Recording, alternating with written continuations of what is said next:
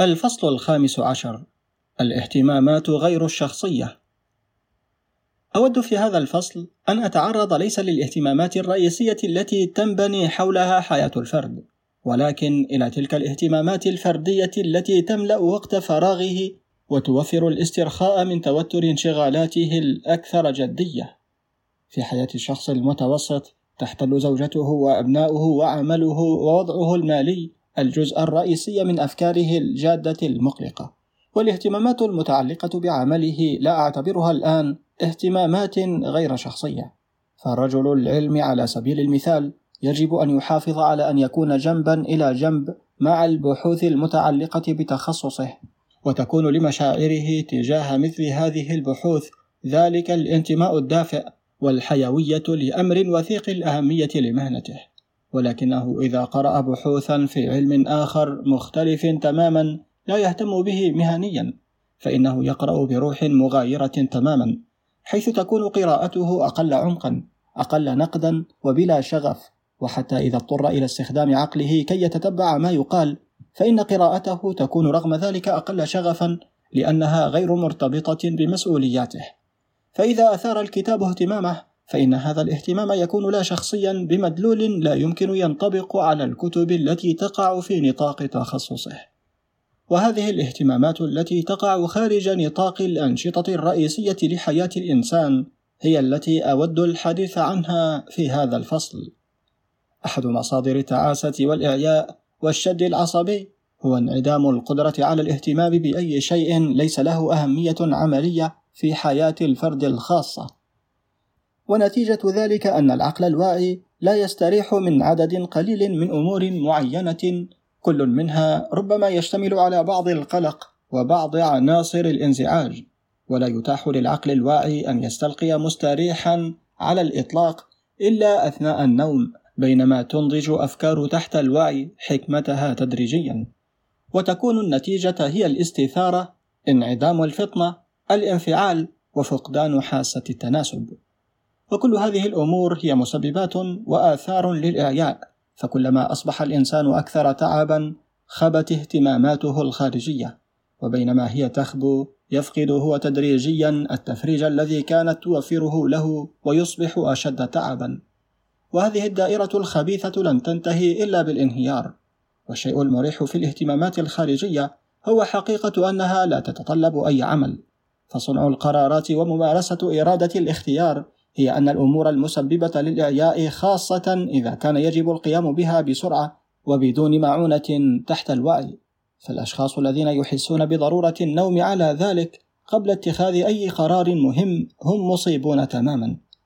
ولكن العمليات العقلية تحت الواعية لا تعمل خلال النوم فقط، بل تستطيع العمل أيضا عندما يكون العقل الواعي للفرد مشغولا بأمور أخرى، فالشخص الذي يمكنه أن ينسى عمله عندما ينتهي ولا يتذكره إلا عندما يبدأ ثانية في اليوم التالي من الأرجح أن يقوم بعمله أفضل كثيرا من الشخص الذي يظل قلقا على عمله عبر الساعات الواقعة بين نهاية العمل وبدايته مرة أخرى.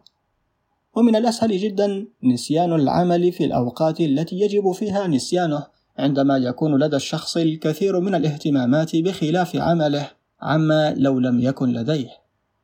ومن الضروري بالرغم من ذلك ألا تتطلب تلك الاهتمامات نفس القدرات العقلية التي تم إرهاقها خلال عمل اليوم.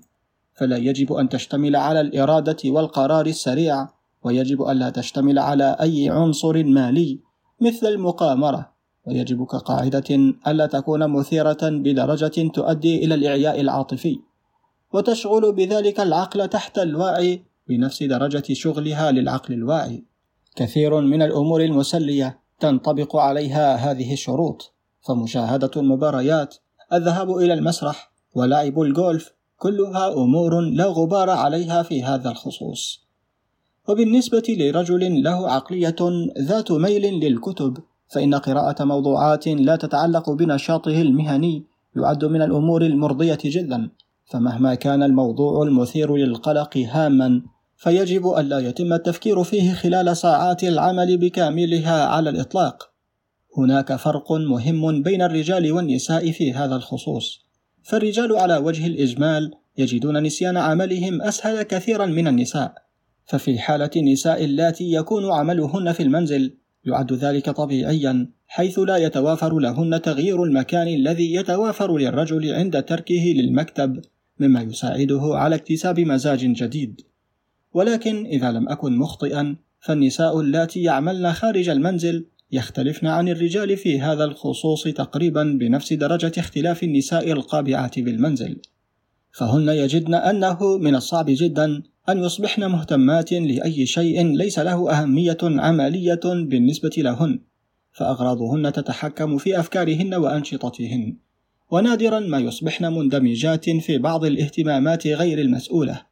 أنا لا أنكر بالطبع وجود استثناءات ولكني أتحدث عما يبدو لي القاعدة الدائمة. ففي كلية للنساء مثلا تتحدث المدرسات في الأمسيات عن العمل إذا لم يكن هناك رجال متواجدين بينما في كلية للرجال لا يفعل الرجال ذلك. وهذه الخاصية تبدو للنساء على أنها درجة عالية من الوعي بالمقارنة بالرجال، ولكني لا أعتقد أن ذلك سيؤدي في المدى الطويل إلى تحسين عملهن، ولكنه يميل إلى إحداث ضيق في الأفق يؤدي عادة إلى نوع من التعصب. كل الاهتمامات غير الشخصية إذا تركنا أهميتها جانبا للاسترخاء لها استخدامات أخرى عديدة، فهي أولا تساعد الإنسان على الاحتفاظ بحاسة التناسب فمن السهل جدا أن نصير مندمجين جدا في سعينا الخاص وفي وسطنا الخاص وفي طراز عملنا الخاص بدرجة ننسى معها كيف يشكل كل ذلك جزءا شديد الضآلة من السعي الإنساني وكيف أن كما ضخما من أمور الحياة لا يتأثر مطلقا بما نفعله.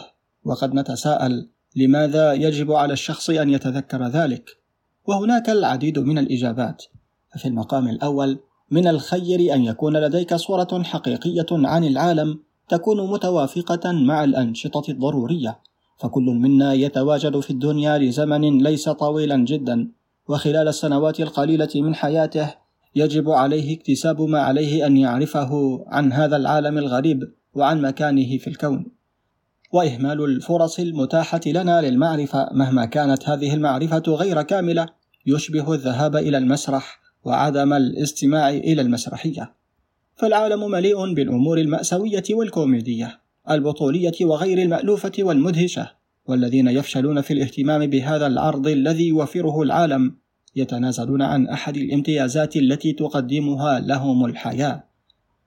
ومرة أخرى فإن حاسة التناسب لها قيمة عظيمة وتوفر السلوى في أوقات معينة فكلنا ميال إلى أن يستثار بلا مبرر وأن يكون مشدودا بلا مبرر وأن يتأثر بأهمية الركن الصغير الذي نعيش فيه من العالم وبالهنيهة الصغيرة من الزمن الواقعة بين مولدنا ومماتنا. ولا شيء يعد مرغوبا في مثل هذه الإثارة والتقدير المبالغ فيه لأهميتنا.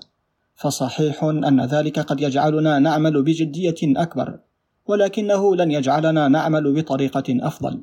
فالقليل من العمل الموجه لأهداف طيبة هو أفضل من كثير من العمل الموجه لأهداف سيئة رغم أن الرسل المبشرين بالحياة المجهدة يبدو أنهم يعتقدون العكس فالذين يهتمون كثيرا بعملهم يكونون باستمرار في خطر الانزلاق إلى التعصب والذي يتكون أساسا من تذكر أمر أو اثنين من الأمور المرغوبة ونسيان الباقي بكامله.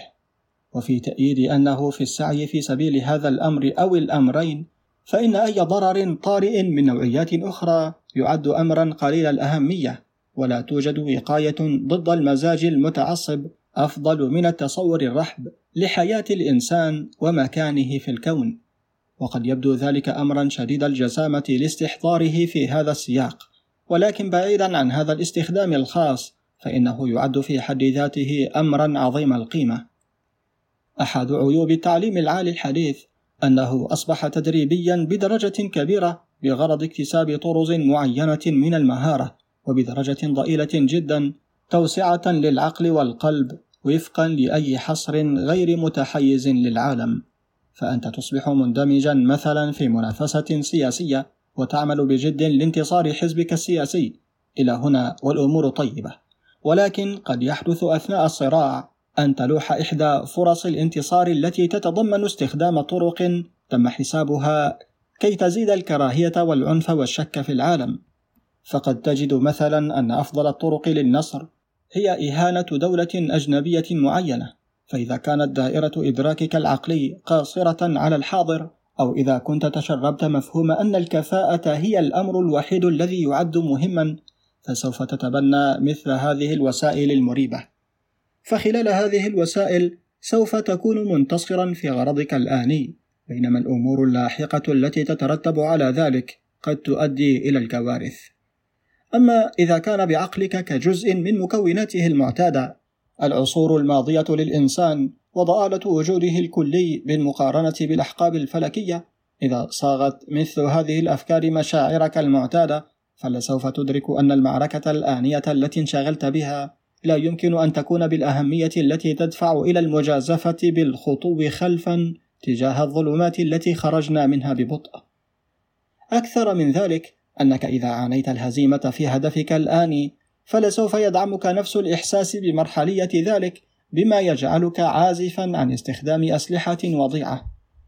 ولسوف يكون لديك وراء أنشطتك الآنية أهداف بعيدة تتفتح ببطء لن تكون فيها فردا منعزلا بل من جيش كبير من أولئك الذين قادوا البشرية تجاه الوجود المتمدين فإذا وصلت إلى هذه النظرة فلن تغادرك أبدا سعادة عميقة معينة مهما كان مصيرك الشخصي. وسوف تصبح الحياة عشاء ربانيا مع العظماء من كل الأجيال. والموت الشخصي لن يعدو أن يكون حدثا مهملا. وإذا كانت لي سلطة تنظيم التعليم العالي كما يجب أن أرغب نعتذر للمستمع الكريم عن قراءة الفقرة التالية لأن الكاتب يتكلم فيها عن استبدال الديانات بأفكار يراها صحيحة. نستكمل القراءة. وبترك هذه التكهنات الواسعة جانبا والعودة إلى موضوعنا الأكثر إلحاحا وهو قيمة الاهتمامات غير الشخصية فهناك جوانب أخرى تجعلها ذات عون كبير في اتجاه السعادة. فحتى في الحياة الأكثر حظا توجد أوقات تكون الأمور فيها على غير ما يرام. فالقليل من الناس فيما عدا العزاب لم يتشاحنوا مطلقا مع زوجاتهم والقليل من الآباء والأمهات لم يشعر بالقلق الممض نتيجة مرض أبنائهم. والقليل من رجال الأعمال أمكنه تجنب فترات الأزمات المالية والقليل من المهنيين لم يعرفوا أوقاتا حملق الفشل فيها في وجوههم. في مثل هذه الأوقات تكون القدرة على الاهتمام بشيء بعيد عن سبب القلق من النعم الكبرى. ففي مثل هذه الأوقات عندما لا يكون هناك رغم القلق شيء يمكن عمله فأحد الأشخاص سيلعب الشطرنج وسوف يقرأ آخر القصص البوليسية وسيصبح ثالثا مندمجا في التنجيم الشائع وسوف يسلي رابع نفسه بالقراءة عن الحفريات الأثرية. كل من هؤلاء الأربعة حكيم في مسلكه بينما الإنسان الذي لا يفعل شيئا لإلهاء عقله ويسمح لمشاكله أن تكتسب إمبراطورية كاملة عليه. يكون سلوكه غير حكيم. ويجعل نفسه أقل صلاحية للتعامل مع مشاكله حين تحين لحظة العمل. وتنطبق اعتبارات مماثلة تماما على الأسى الذي لا يمكن رأب صدعه مثل موت شخص ما محبوب بعمق. فلن يتأتى أي خير لأي فرد إذا سمح لنفسه أن يفرق في الأسى في مثل هذه المناسبة. فالحزن لا يمكن تجنبه ويجب توقع حدوثه ولكن يجب عمل كل ما يمكن لتقليله إلى الحد الأدنى. وإنها لعاطفية محضة أن تنشد كما يفعل البعض إلى استخلاص أقصى قطرة بؤس من الفاجعة.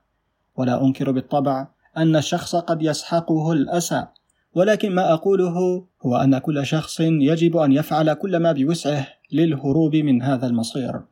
ويجب أن ينشد أي إلهاء مهما كان أم تافها شريطة ألا يكون ضارا في حد ذاته أو محقرا للشأن. ومن بين تلك الأمور التي أعتبرها ضارة ومحقرة أضع السكر والمخدرات حيث إن هدفهما هو تدمير الفكر على الأقل بالنسبة لتلك الفترة من الوقت. والسبيل القويم ليس تدمير الفكر ولكن توجيهه إلى قنوات جديدة أو بأية حال إلى قنوات بعيدة عن الفاجعة التي وقعت. ومن الصعب القيام بذلك إذا كانت الحياة مركزة حتى تلك اللحظة على القليل جدا من الاهتمامات وأن تصبح تلك الاهتمامات القليلة مطمورة في الأسى. ولكي تتحمل الفاجعة جيدا عند وقوعها فمن الحكمة أن تكون قد كونت في أوقاتك الأسعد اهتمامات عريضة بحيث يجد العقل عند حلول الفاجعة أن مكانا غير مشوش قد تهيأ له تتوافر فيه ارتباطات مغايرة وعواطف أخرى مختلفة عن تلك التي جعلت الحاضر من الصعب تحمله. الإنسان ذو الحيوية الملائمة والذي تتوافر لديه القدرة على الاستمتاع سوف يقهر كل الفواجع بأن ينبثق بعد كل ضربة اهتماما بالحياة لا يمكن أن يضيق لدرجة تجعل من الخسارة الواحدة أمرا مميتا وأن تنهزم بخسارة واحدة أو حتى بعدد من الخسائر ليس مما يستحق الإعجاب كإثبات لحساسيتك. وإنما هو أمر يجب الرثاء له لأنه فشل للحيوية.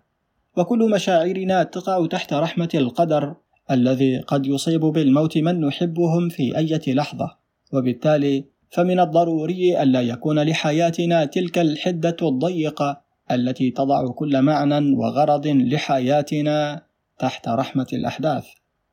لكل هذه الأسباب سوف يهدف الإنسان الذي ينشر السعادة بحكمة إلى أن يمتلك عددا من الاهتمامات المساعدة بالإضافة إلى الاهتمامات الرئيسية التي عليها تنبني حياته.